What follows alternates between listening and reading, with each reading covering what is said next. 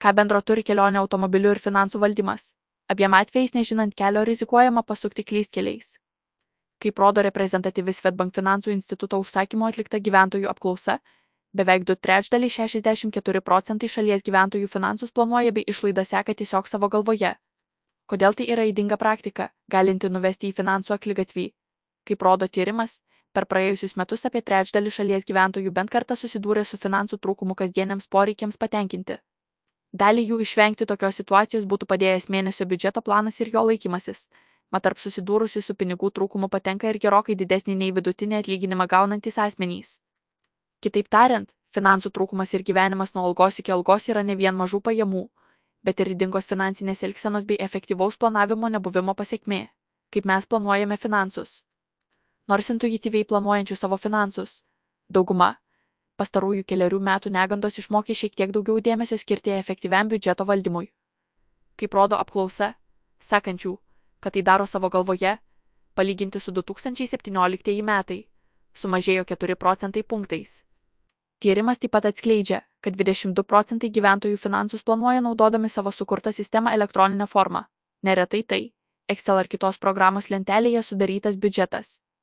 Kiek mažesnė dalis 18 procentų biudžeto lentelę pildo popieriuje. 10 procentų respondentų nurodo besinaudojantis interneto banke esančiais įrankiais, dar 8 procentai kitais internete esančiais įrankiais ar išmaniosiomis programėlėmis.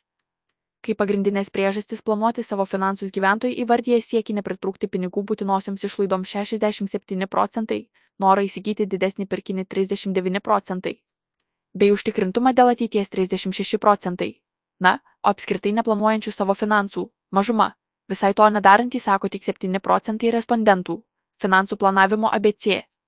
Nors biudžeto sudarimas ir jo laikymasis yra tvaraus finansų valdymo pagrindas, neretai jis asocijuojasi su savo poreikių ribojimu. Tačiau kas gali būti nemaloniau už jausmą, kuris apima mėnesio pabaigoje pamačius apytuštę savo sąskaitą ir supratus, kad nežinome, kur taip greitai dingo mūsų pinigai ir ar jų pakaks iki kito atlyginimo. Į biudžeto sudarimą ir jo laikymasi reikėtų žiūrėti ne kaip į savęs ribojimą, o kaip į būdą užtikrinti savo finansų kontrolę bei saugumą. Tuo pačiu tai efektyviausias būdas siekti tiek trumpalaikių, tiek ir ilgalaikių finansinių tikslų.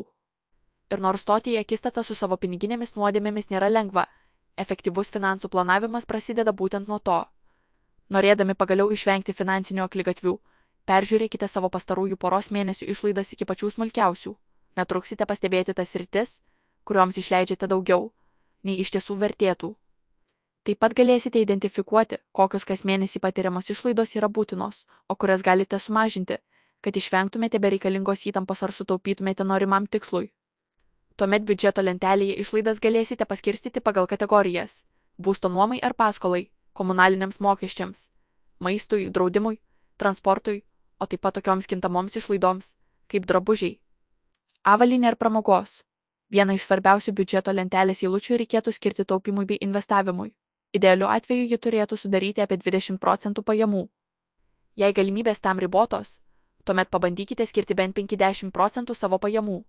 Galiausiai lieka svarbiausia užduotis - šį planą vykdyti. Ir jei iš pradžių tai padaryti gali būti sudėtingiau, kas mėnesį tai daryti taps vis lengviau. Finansų planavimas ir plano laikymasis taps įpročiu, o pasiekti pirmieji tikslai motivuos nesustoti ir siekti dar didesnių finansinių tikslų.